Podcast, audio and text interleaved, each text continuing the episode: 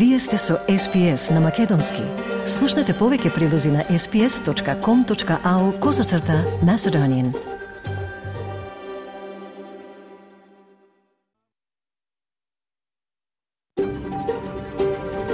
SBS, a world of difference. You're with SBS Macedonian on mobile, online, and on radio. Вие сте со SPS на Македонски, на мобилен, преку интернет и на радио.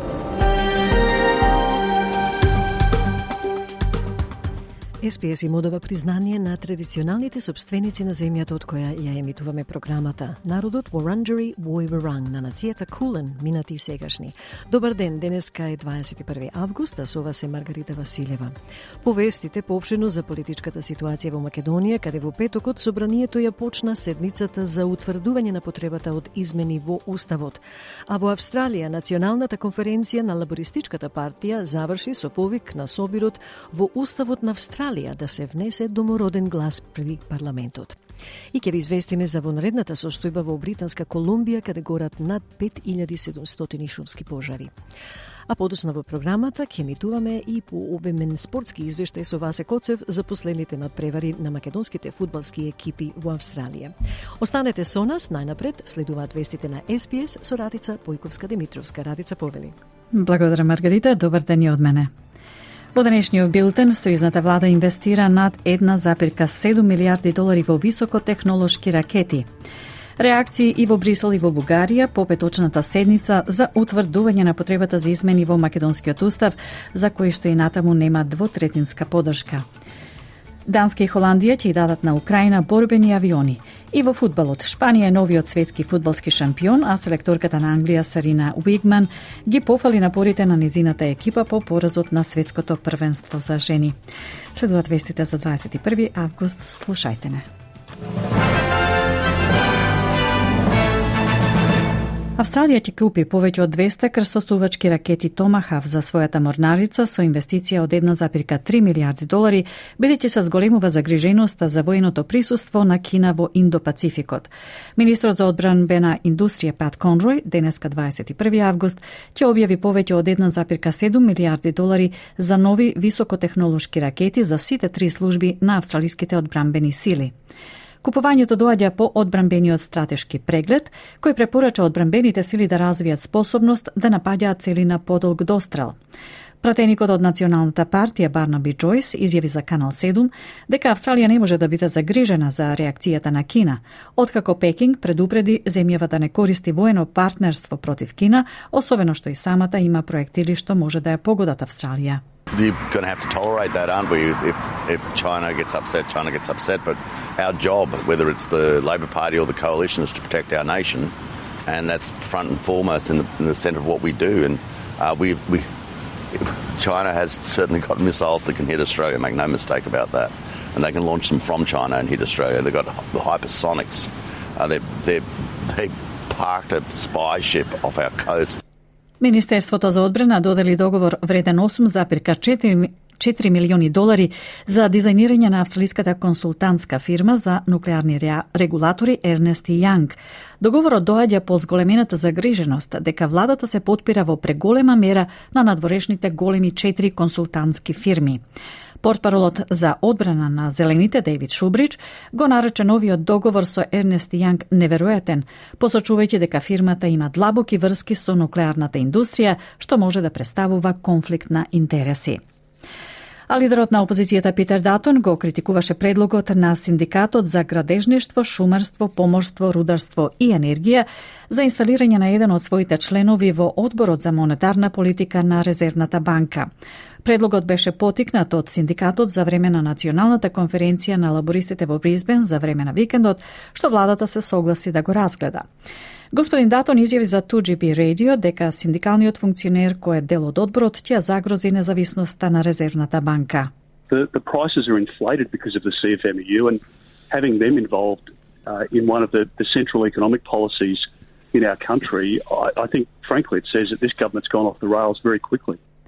Комесарот на Кралската комисија за самоубиства на ветераните Ник Калдас вели дека истрагата е шанса еднаш во животот оделите и организациите да зборуваат. Тој вели дека истите проблеми продолжуваат и ништо не се променило од предходните истраги.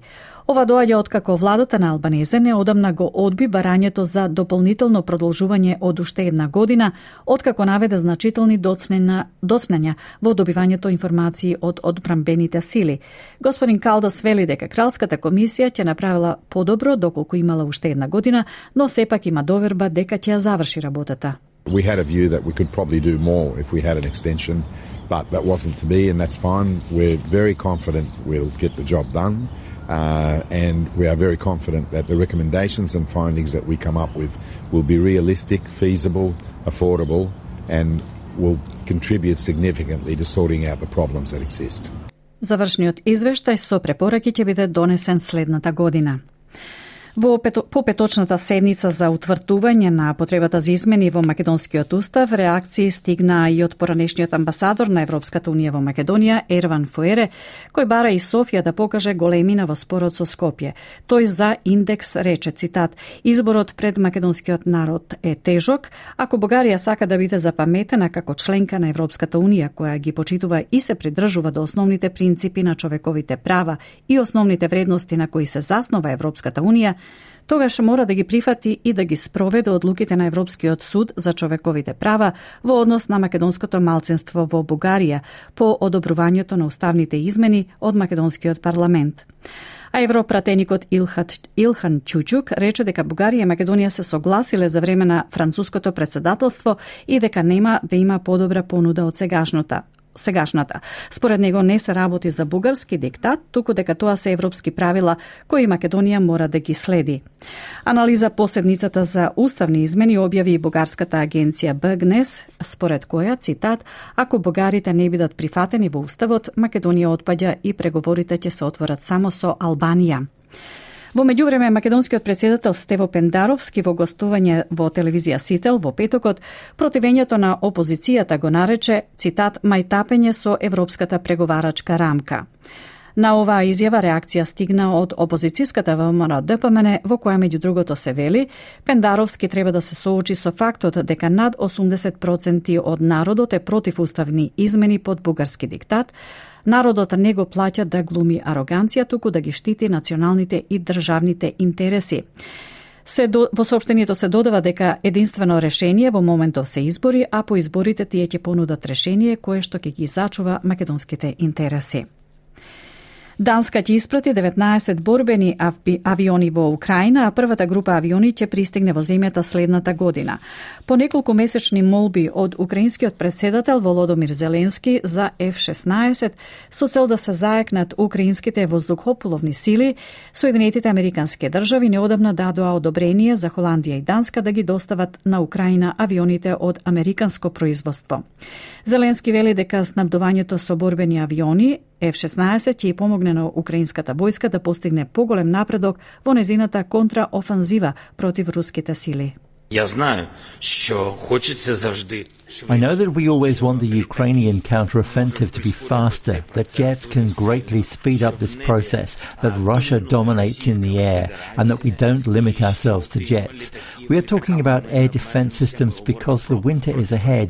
We understand, as no one in the world does, what winter without electricity looks like. Тропската бура Хилари повеќе не е ураган, но се уште го носи она што синоптичарите го нарекуваат опасен по живот дожд, додека се движи кон Јужна Калифорнија. Тоа се опишува како невиден временски настан и е прв пат ваква бура да и се заканува на државата по речиси еден век. Повеќе од 9 милиони луѓе, вклучително и оние во центарот на Лос Анджелес, се под предупредување за поплави издадено од Националната метеоролошка служба, а властите се прину... беа принудени да откажат летови и спортски надпревари. Карлос Ајала, жител на Јужна Калифорнија, вели дека едноставно не се подготвени за вакво невреме. Well, the reality is that here in Ensenada, it is very rare whenever we are told that there's going to be a storm like this one. The reality is that it does not come, maybe a little rain, but we're not used to it. Here, that kind of storm does not come, and maybe that is why they look at us very relaxed.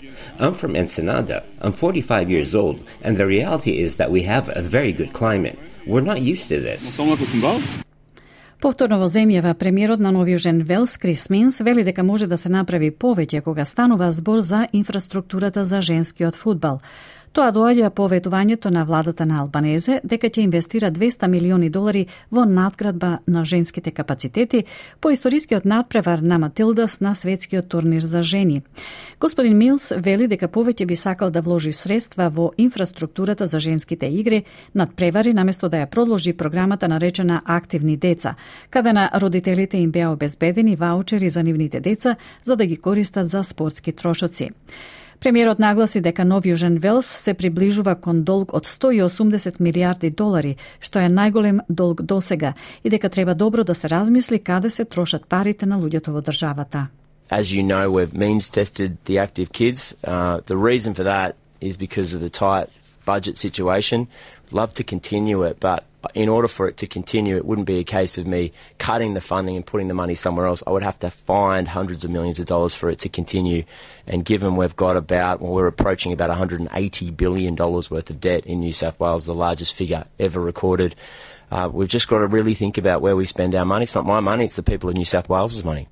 И во фудбалот, селекторката на Англија Сарина Уигман вели дека незините фудбалерки на светското првенство за жени треба да бидат горди на себе и покрај поразот од Шпанија. Сонот на лавиците го прекина Шпанија, која излезе на врвот со победата од 1 спрема 0, благодарение на голот на капитенка, капитенката Олга Кармона во првото полувреме. Уигман вели дека разочарувањето од загубата е големо.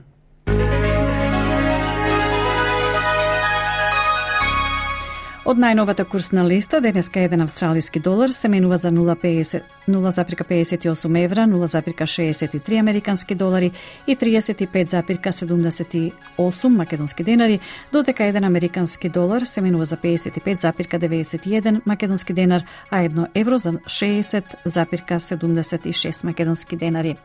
Накусу и временската прогноза за главните градови за утре, Перт е делумно облачно максимално 18 степени, Адалет повремени краткотрајни врнежи максимална 15, Мелбурн врнежливо 15, идентично и за Хобарт врнежливо максимална 15, врнежливо и за Камбера со максимална до 18 степени, Сиднеј претежно сончево 25, претежно сончево и за Бризбен со максимална до 26 степени, Дарвин сончево 34, сончево и за Алис Спрингс со максимална до 27 степени.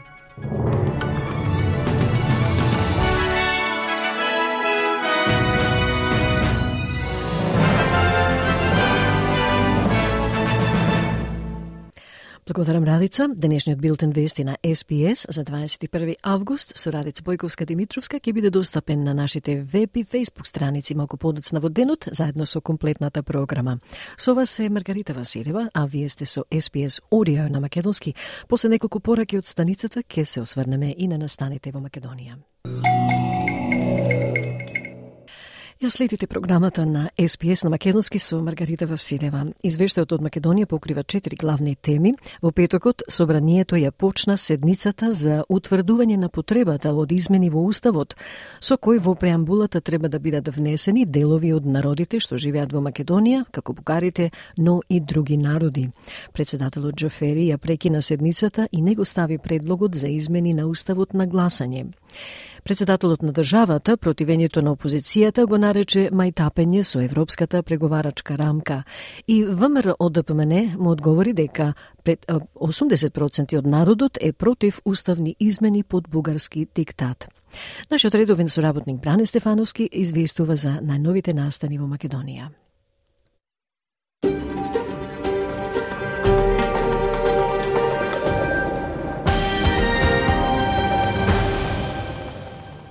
Во петокот во Собранието почна седницата за утврдување на потребата за измени на Уставот, со кој во преамбулата треба да бидат внесени делови од народите што живеат во Македонија, како бугарите, но и делови од други народи.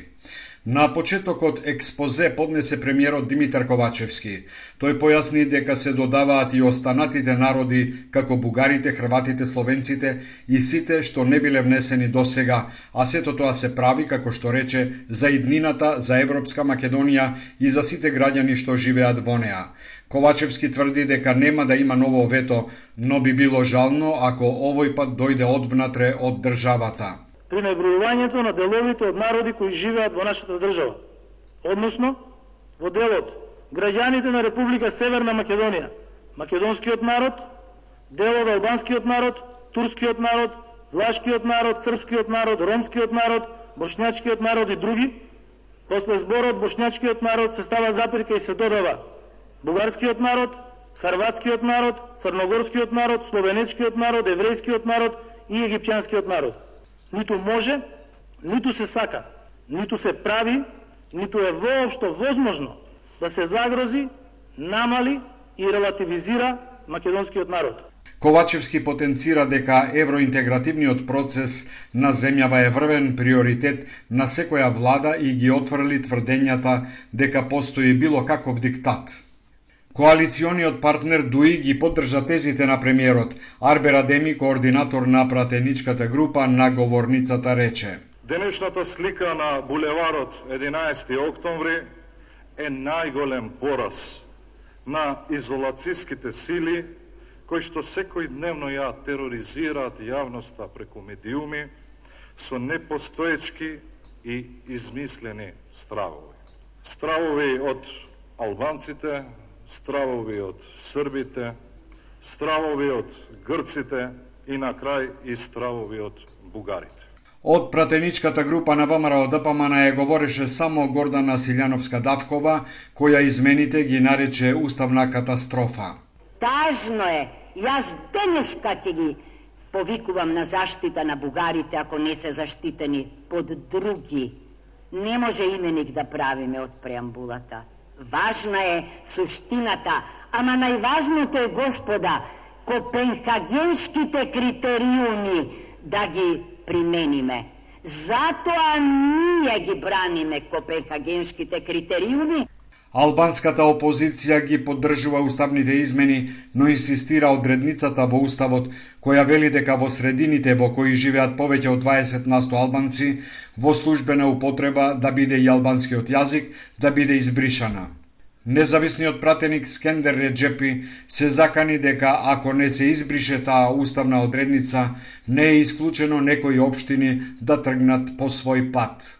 Може да се случи во блиска иднина да се случат и други барања каде што албански општини да барат, да го барат патот кон Европската унија поделно од македонските општини. Но ова не го пис... не би го посакувале, но реалноста е тоа. Откако списокот на говорници беше исцрпен, председателот Джафери ја прекина седницата и не го остави предлогот за измени на уставот на гласање. Во уставот и во деловникот нема рок до кога може да се одложува чинот на гласање. Македонскиот устав досега е менуван 8 пати со 36 амандмани. Последната измена беше предменувањето на името. Председателот на државата Стево Пендаровски во петочното гостување во ТВ Сител противењето на опозицијата го нарече мајтапење со европската преговарачка рамка. Јас и понатаму тврдам дека ова што го имаме на маса и што опозицијата прилично пежоративно и непотребно го нарекува бугарски диктат, а се работи за француски предлог и европска рамка, И стварно ми јасно како се обидува да се мајтапат со толку моќна земја на Европската унија со Франција и да велат дека тоа не е францускиот предлог и европска рамка, туку е бугарски диктат, но пак ќе го ставиме за нив. Значи, нивниот концепт е дајте да дојдеме на власт, па после ќе му ја мислиме за две третини. Тоа не е политички концепт. На оваа изјава реакција стигна од ВМРО ДПМН е во која се вели Наместо да се тресе од нервоза и да лаже по интервјуа, Пендаровски треба да се соочи со фактот дека над 80% од народот е против уставни измени под бугарски диктат. Народот не го плаќа да глуми ароганција, туку да ги штити националните и државните интереси. Да беше кадарен, немаше да дозволи Македонија да влезе во замката на Бугарија, во која или бесконечно ќе преговараме, или асимилација, се вели во реакцијата на ВМРО да ДПМНЕ. По петочната седница реакции стигнаа од неколку страни. Поранешниот амбасадор на Европската Унија во Македонија Ерван Фуере бара и Софија да покаже големина во спорот со Скопје. Цитат Изборот пред македонскиот народ е тежок. Ако Бугарија сака да биде запаметена како членка на ЕУ, која ги почитува и се придржува до основните принципи на човековите права и основните вредности на кои се заснова Европската Унија, тогаш мора да ги прифати и да ги спроведе одлуките на Европскиот суд за човековите права во однос на македонското малцинство во Бугарија по одобрувањето на уставните измени од македонскиот парламент, вели Фуере за индекс. Европратеникот Илхан Ќучук Рече дека Бугарија и Македонија се согласиле за време на француското председателство. Цитат: Нема да има подобра понуда, затоа што ова е најдобра. Никој не ги витка рацете на Скопје, никој не поставува дополнителни услови. Ова не е никаков бугарски диктат, туку ова се европските правила кои Македонија мора да ги следи. Изборот е исклучиво на Македонија. Ако ВМРО да ДПМН не сака да биде на страната на европеизацијата, одговорноста е на партијата, но за жал ова ќе го запре патот на Македонија кон ЕУ за не многу кратко време, а постои можност Албанија да се одвои од Македонија, изјавува бугарскиот европратеник Илхан Кјучук за бугарските медиуми. Анализа по седницата за уставни измени објави и бугарската агенција БГНС. Меѓу другото пишува: Ако бугарите не бидат прифатени во уставот, Македонија отпаѓа и преговорите ќе се отворат само со Албанија. Завршен цитат. И вчера се слушаа одгласи од петочната собраниска седница. СДСМ излезе со критика дека Мицкоски и неговата партија не излегле од матрицата на Груевски. Богданка Кузевска на пресконференција рече – Сега веќе е кристално јасно дека Христијан Мицкоски и ДПМН се против членството во Европската Унија. Во ДПМН нема никаква промена. Мицкоски е ист како неговиот ментор Никола Груевски. Во името на ВМРО ДПМН е прес одржа подпредседателот на партијата Владо Мисајловски. Тој рече дека во петокот станало јасно дека владеачката коалиција нема двотретинско мнозинство од 80 пратеници, што е услов да се пристапи кон менување на уставот една година важија дека ВМРО ДПМН прифати уставни измени, за во петокот да стане јасно дека не само што ВМРО ДПМН не прифати уставни измени, туку и пратеници од владеачкото мнозинство не поддржуваат промена на уставот. Наредните избори ќе го доживеат својот најголем пораз. И председателот на Демократскиот сојуз Павле Трајанов вчера на пресконференција го образложи несогласувањето на неговата партија за уставните измени, наведувајќи дека писмено ќе бара од председателката на Европската комисија да ја обврзе Бугарија да ги спроведе одлуките на Меѓународниот суд за човековите права во Страсбур и да дозволи регистрација на Сдруженијата на македонците во Бугарија. Бугарија да обврзат да ги имплементира одлуките на Судот на Меѓународниот суд за правда во Страсбург околу регистрација на Асоциација на македонците за негојење на културни, јазични, идентитетски и други прашања сврзани со, наше со нашиот или македонскиот македонскиот обележен идентитет. Како ќе се одвива на тамошниот тек на настаните и дали владеачката коалиција ќе успее во догледно време да обезбеди двотретинско парламентарно мнозинство, никој не може да каже. Власта е категорична дека предвремени парламентарни избори нема да има, туку дека тие ќе се одржат идната година во редовниот термин.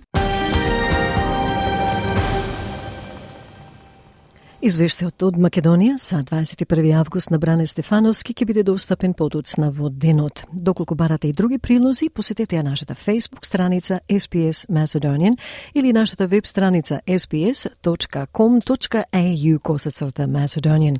Тама ќе најдете повеќе интервјуа и видеоклипови на разни теми, како и најновото спортско видео на Васе Коцев. По неколку информативни пораки од SPS ќе преминеме и на локални теми, а подоцна поопширен извештај за резултати работите на екипите од македонската заедница со Васе Коцев. Останете со SPS Audio на македонски. Вие сте со SPS Audio на Македонски, а со вас е Маргарита Василева. Националната конференција на Лабористичката партија заврши со повик на собирот во Уставот на Австралија да се внесе домороден глас при парламентот. Премиерот им рече на членовите дека нивна одговорност е да победат на референдумот, бидејќи лабористите се обидуваат да победат на следните избори. Повеќе од извештајот на Катриона Стерат и Сера Томевска за SPS News, што на македонски го приспособи Радица Бојковска-Димитровска.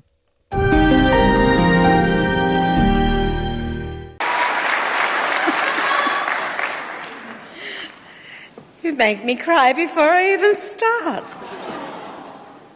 Министерката за домородни австралици беше емоционална додека излегуваше на сцената на последниот ден 19 август од Националната конференција на Лабористичката партија. Линда Берни побара подршка во владината кампања за домороден глас при парламентот. Таа им рече на делегатите дека не може сама да дојде до посакуваниот резултат на референдумот, дека тоа мора да го направат заедно и, како што рече, да тропаат од врата на врата и да водат разговори во нивните заедници. Delegates, I can't win this on my own. We must do it together. We need to get out there to knock on doors, to have the conversations in your communities. Политиката за домороден глас, договор и вистина беше во фокусот на последниот ден на форумот во Бризбен. Премиерот го искористи својот предпоследен говор за да ги замоли членовите да излезат и да водат кампања, како што рече, како никогаш досега. All of you here in this room and across the great breadth of our movement have put up your hand and shown your willingness to get involved to walk the talk, to make a difference. I want you to get out there and campaign like you have never campaigned before. Шина Вот, припадничка на Јорта Јорта и членка на Викториската лабористичка партија, ги повтори овие повици. Кога секој од вас во оваа соба ќе се разбуди по деновите по референдумот, сакам да си го поставите прашањето дали го дадов апсолутното да покажам солидарност со моите другари од првите нации, рече таа, и додаде, одговорот подобро да биде да. When each and every one of you in this room wake up the day after the referendum, I want you to ask yourself a question. Did I give it my absolute to show solidarity with my First Nations comrades? The answer better be yes! Во меѓувреме, оние кои се спротивставуваат на гласањето за, работеа на собирање на собствената подршка. На конференцијата за политичко дејствување на конзервативната партија во Сиднеј во саботата, поранешниот премиер Тони Абот тврдеше дека гласот ќе внесе во уставот жртвеност. Опозицијската домородна министерка Джесинта Нападжипа Прайс исто така застана цврсто против референдумот. Според неа не е направено апсолутно ништо за да се подобрат животите на најмаргинализираните австралици и дека наместо тоа имаме премиер кој е толку загрижен за собствената популарност што е подготвен да внесе раздор во земјата за аплаус од медиумите и од неговите корпоративни елитни другари. Срамота, рече Джесинта Прайс. There's been absolutely nothing done to improve the lives of our most marginalized Australians. But instead, we have a Prime Minister so concerned with his own popularity that he's willing to tear apart the country for some applause from the media and, of course, his corporate elite mates. Shame. Политичка опозиција исто така дојде и од страна на Зелената партија, која бара повеќе акција во секторот за домување. Пратеникот од редовите на зелените и истакнат портпарол на кирајджиите Макс Чендлер Матер ја осуди владината политика за домување. Тој рече дека владата има 39 милиарди долари во даночни олеснувања за инвеститорите, додека на лицата кои изнајмуваат им вели дека треба да се справат со 5 милиарди долари годишно зголемување на киријата. Луѓето нема да го трпат тоа, рече господин Матер. This rally today is just a warning shot across the bow of the Labor Party who have really decided that they're going to abandon the one third of this country who rents. They are locking in $39 billion in tax concessions for property investors, and they're telling renters that they have to cop an extra $5 billion a year in rent increases, and people are not going to put up with that. Лабористите исто така мора да се борат со несогласувањата во нивната собствена партија во текот на тридневната конференција. Премиерот Антони Албанезе успеа да обезбеди доволно подршка за договорот за нуклеарни подморници, познат како АУКУС, во вредност од 368 милиарди долари и покрај тоа што околу една четвртина од делегатите изразија цврсто противење за договорот. And I have come to the position based upon advice and analysis that nuclear powered submarines are what Australia needs in the future.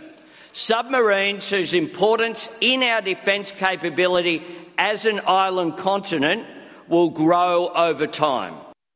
Делегатите не можеа да се договорат за данокот на супер добивка, односно данок на 40% од екстра профит, но усвоија предлог за зголемување на владините инвестиции во социјални и достапни станови, со финансирање од прогресивен и одржлив даночен систем. На дневен ред на конференцијата беа и амандманите со кои на барателите на азил им се даваат права за студирање и работа, додека се обработуваат нивните барања за заштита.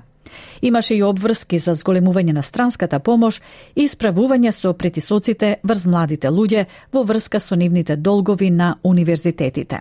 А оние кои сакаат дополнителни промени на платформата на партијата, ќе мора да ја чекаат следната национална конференција по три години.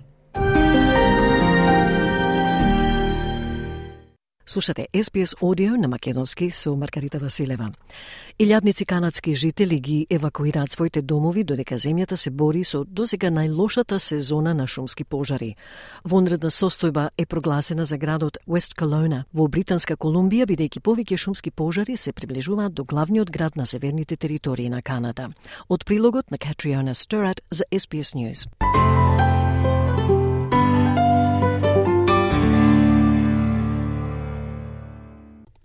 Spot fires have all connected. It is raging down the mountainside. This is. Oh my god, I, I don't have any words for this. Жител гледа како бесне шумски пожар и се заканува да го зафати градот Уест Калона во Британска Колумбија, каде што е прогласена вонредна состојба. Најлошата сезона на шумски пожари во Канада продолжува да бесне, додека илјадници жители побрза да ги евакуираат своите домови. Од 20.000 жители на Yellowknife исто така беше побарано да се евакуираат, бидејќи повеќе кратните шумски пожари се приближуваат до главниот град на северните територии на Канада. Додека официјалниот крајен рок за евакуација е при крај, сообраќајот на едниот автопат во градот беше пренатрупан од жители кои возеа стотици километри до безбедно место или чекаа во долги редици за летови под Итно.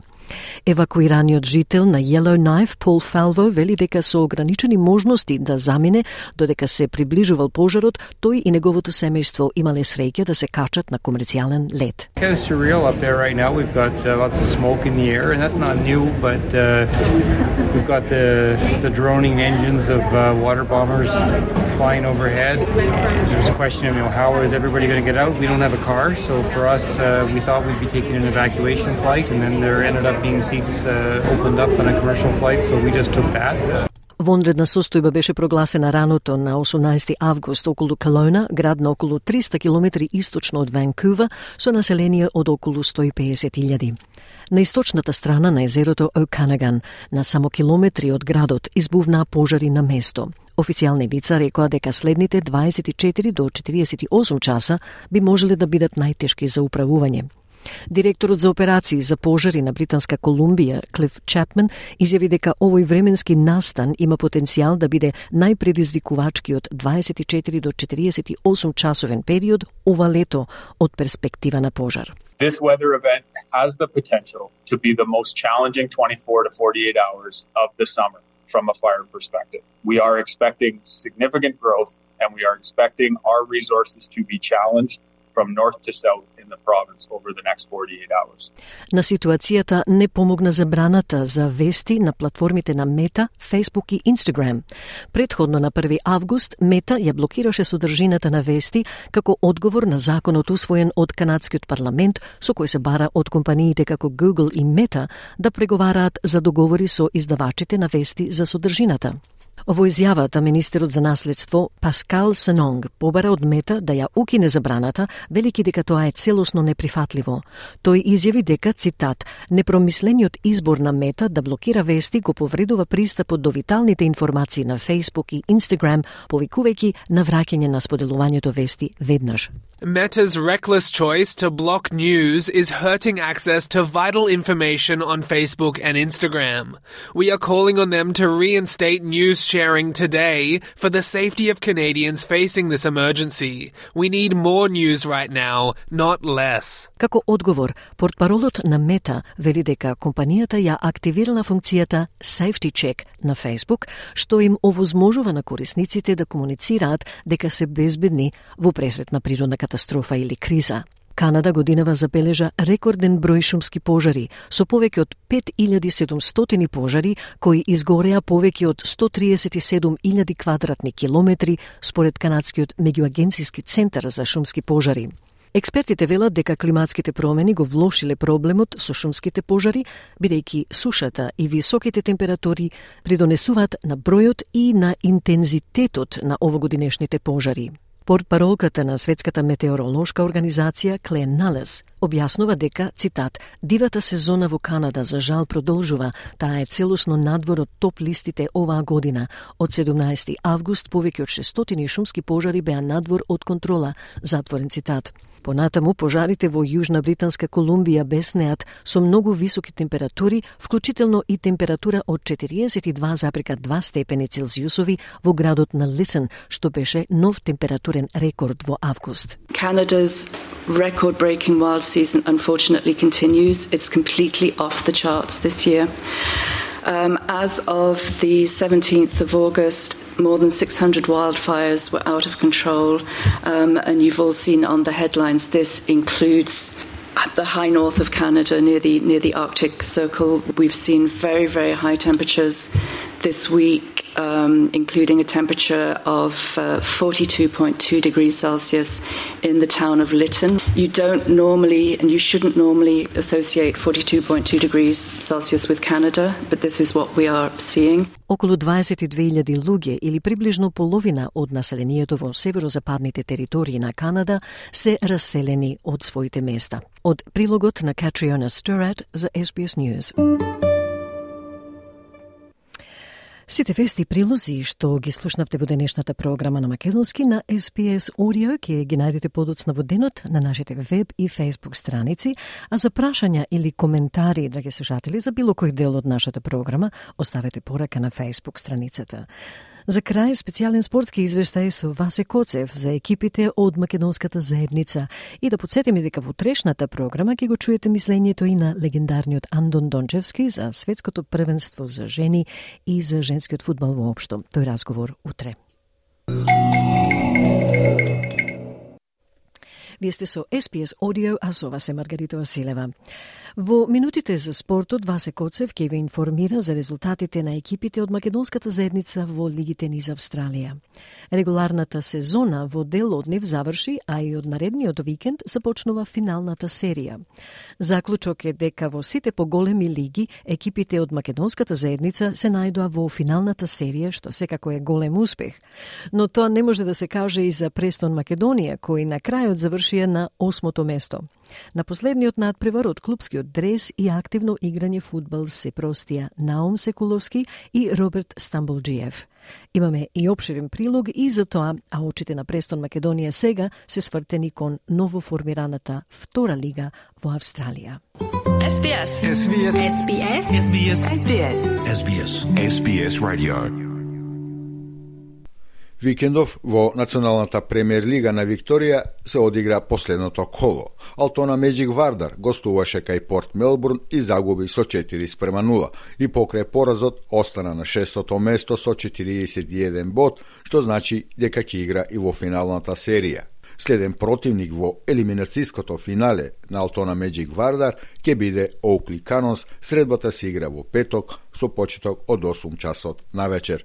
Инаку, после подолго време, ова е прво учество на Алтона Меджик Вардар во финалната серија. Членот на Алтона Меджик, Джонас Марковски, е најдобар стрелец во лигата со 19 постигнати голови. Во третата премиер лига на Викторија, Джилонг Македонија на домашен терен го победи Баумари со 1 спрема 0 но и покрај оваа победа и три освоени бодови остана на предпоследното 11-то место со 21 бод. Тоа пак значи дека Джилонг Македонија до година ќе игра еден ранг подолу. Во Националната премиер лига на Нов Јужен Велс се одигра над од 29-тото предпоследно коло. Рокдел и Линден на гостувањето кај Сидни FC одигра нерешено 2 спрема 2. Најдобриот стрелец на клубот и во лигата Урошевски повторно постигна гол. Рокдел и Линден останува на второто место со 59 бодови. Во идното коло, Рокдел Илинден игра на домашен терен со Блектаун Сити. Илинденци ќе останат на второто место на табелата и ќе играат исто така во финалната серија. Во првата лига на Нов Јужен Велс, Бенгстаун Сити, односно Сиднеј Македонија, загуби на гостувањето кај Кентербери Бенгстаун со 1 спрема 0, останува на деветото место со 34 бода. Во Илавара премиер лигата се одигра последното коло. Волонгонг Юнайтед загуби на домашен терен од Албион Парк White Eagles со 1 спрема 2, додека Кринджила Лајонс го совлада Булаи со 3 спрема 2. Го освои второто место со 44 бодови и Кринджела Лајонс ки игра во финалната серија. Волонгонг Юнайтед остана на шестото место со 35 бода а во северниот регион на Нов Јужен Велс. Во првото елиминацијско финале, Бродмедоу Меджик го совлада Чарлстон Азури со 4 спрема 2. Следен противник на магичните компатот до финалето е Ламтон Джафас. И во премиер лигата на Западна Австралија се одигра над преварите од предпоследното 21 коло непријатно изненадување за Стирлинг Македонија на домашен терен загуби од Перт Сокар Клаб со 0 спрема 3 но и покрај тоа останува сигурно на второто место и Стирлинг Македонија ќе игра во финалната серија. Како што слушнавте до сега, екипите од македонската заедница во сите лиги во Австралија имаат своји представници во финалната серија, што секако е голем успех за нив. Меѓутоа тоа не може да се каже и за Престон Македонија.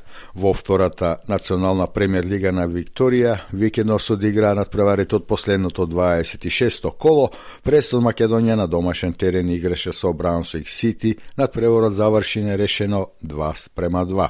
Го освои осмото место со 36 бодови.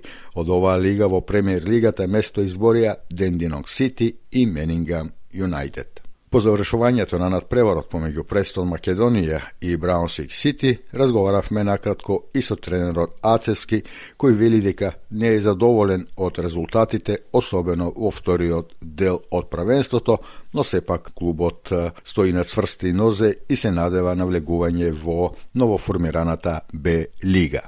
Првата половина од, од првенството бевме на првината белата, мојата мисла не игравме како што треба, не игравме тоа што можеме да даеме, имаме доста повреди. Второто полувреме од првенството што се вели не победивме доволно утакмици, мислам една утакмица победивме во сите 13 утакмици. И кога победиш една утакмица од 13, тоа значи не заслужуваме да, да завршиме први или втори. И реално ако збораме не сме задоволни никако. Клубот има такција да, да заврши на прво место или на второ, да оди понатаму, али знамо дека клубот моментално е во јаки темели има, има добри луѓе во клубот, во управата, има луѓе што со срце работат и само мислат за една работа и тоа е само да направат Престо Македонија најака што можат. Тоа за мене е голем успех. Дали јас сум тренер, дали не сум јас тренер другата година, тоа ќе се ќе се расчисти, мислам кога времето кога ќе дојди, али тоа мене за мене не е најглавно, најглавно е само клубот да оди понатаму на поголемо небо и дај Боже малце со со со Господ нас напред како што велат како што велат нашите да да бидеме во Би лига што сака да почне во, да почне во другата година. Очекувате Престон да се најде во ново формираната Б лига? Да, очекуваме тоа. Мислиме, ми имаме ние сме одени од најаките клубови во Викторија што има голема шанса да влезе во таа лига. Али како што реков пре, мислам сега ние можеме све да правиме од наша страна. Треба малца стројка како во, во, во животот да имаш е, како клуб што се вели. Али моето мислене ако почне првенството другата година за Билига, ние ќе играме во таа лига. На последниот надпревар на престол Македонија против Браунсвик Сити од активно играње фудбал се простија Наум Секуловски Батка и Роберт Стамболджиев. Подготвивме и пообширен прилог од заминувањето во пензија новие двајца фудбалери кои оставија голем трак во фудбалските лиги низ Австралија и секако во престол Македонија. SBS. SBS. SBS. SBS. SBS. SBS. SBS Radio. Пред почетокот на надпреварот и тренерот Лјупче Ацевски им порача на своите фудбалери дека ова покрај тоа што е последен надпревар сезонова е и последен надпревар и за Наум Секуловски и Роберт Стамболджиев. Sometimes in life, uh, oh, sometimes always in life, things come to an end. This is a massive and positive thing for the club and the two individuals in relation to Butker and Stambo. So make sure, as we said before, as a team, we get around them, we enjoy the moment, we enjoy the 95 minutes working together, and we get this game done for the two boys. Okay? Let's get the job done for the Naum Sekulovski Batka na svoju 41 godina se prosti od aktivno igranje futbol. Во својата долга кариера ќе остане запаметен како играч подеднакво добар како на теренот, така и надвор од теренот, секогаш подготвен со својот ведар дух да помогне на соиграчите и клубот. Настапуваше за повеќе клубови во Австралија, а од 2005 до 2011 година настапуваше и за Перт Глори во Алигата, има настапувано и за селекцијата на Австралија до 23 години. Роберт Тамболджиев Стамбо својата кариера ја започна во младинските категории на Престон Македонија. Релативно млад заминува во Англија, во Бристол Сити. Потоа игра во Грција и Кипар. Кога се враќа во Австралија игра за ливешот Сиднеј FC, но и за Алтона Меджик и Престон Македонија. На последниот надпревар судбината сакаше да се прости и со два постигнати гола за Престон Македонија. По завршувањето на надпреворот, последен за Наум Секуловски и Роберт Стамболджиев, тие се најдоа во преградките на своите соиграчи, честитајќи им за успешната и богата кариера. Исто така, аплаузи добија и од навивачите, а имаше и по некоја солза во емотивното испраќање во пензија на овие двајца фудбалери.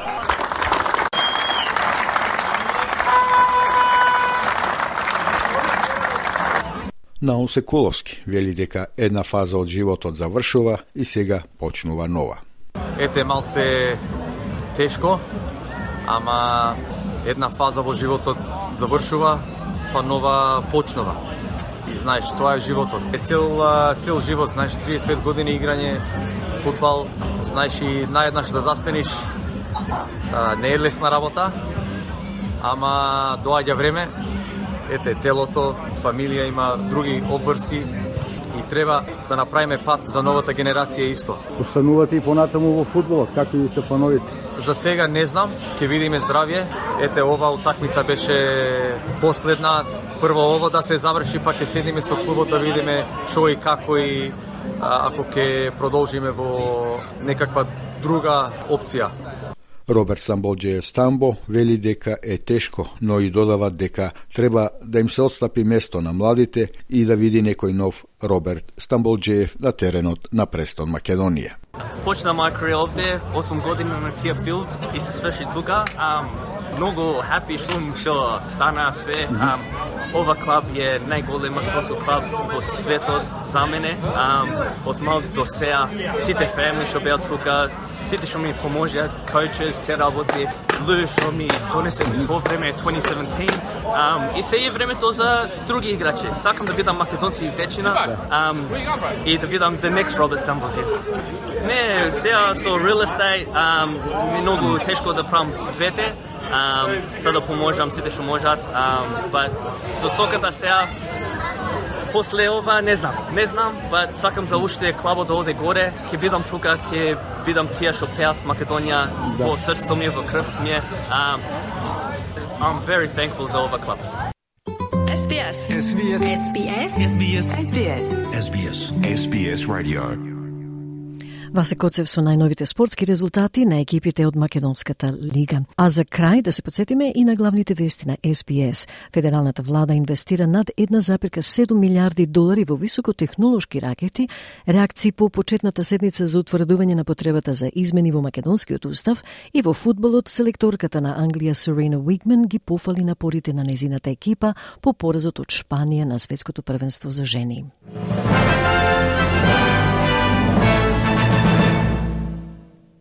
И тоа е се за денеска. Се надевам дека последниве неколку недели светското првенство за жени создаде доволно прилики за разговори и ви даде безброј моменти на фантастичен и современ фудбал, кој со помош на владата ќе се засили уште повеќе во Австралија.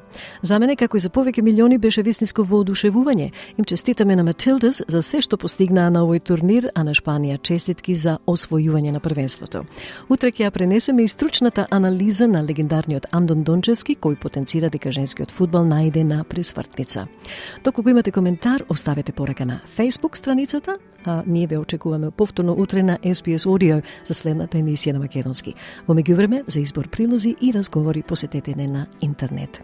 Од Маргарита Василева пријатно попладне и до слушање до утре. Стиснете, ми се допаѓа, споделете, коментирајте. Следете ја SPS на Македонски на Facebook.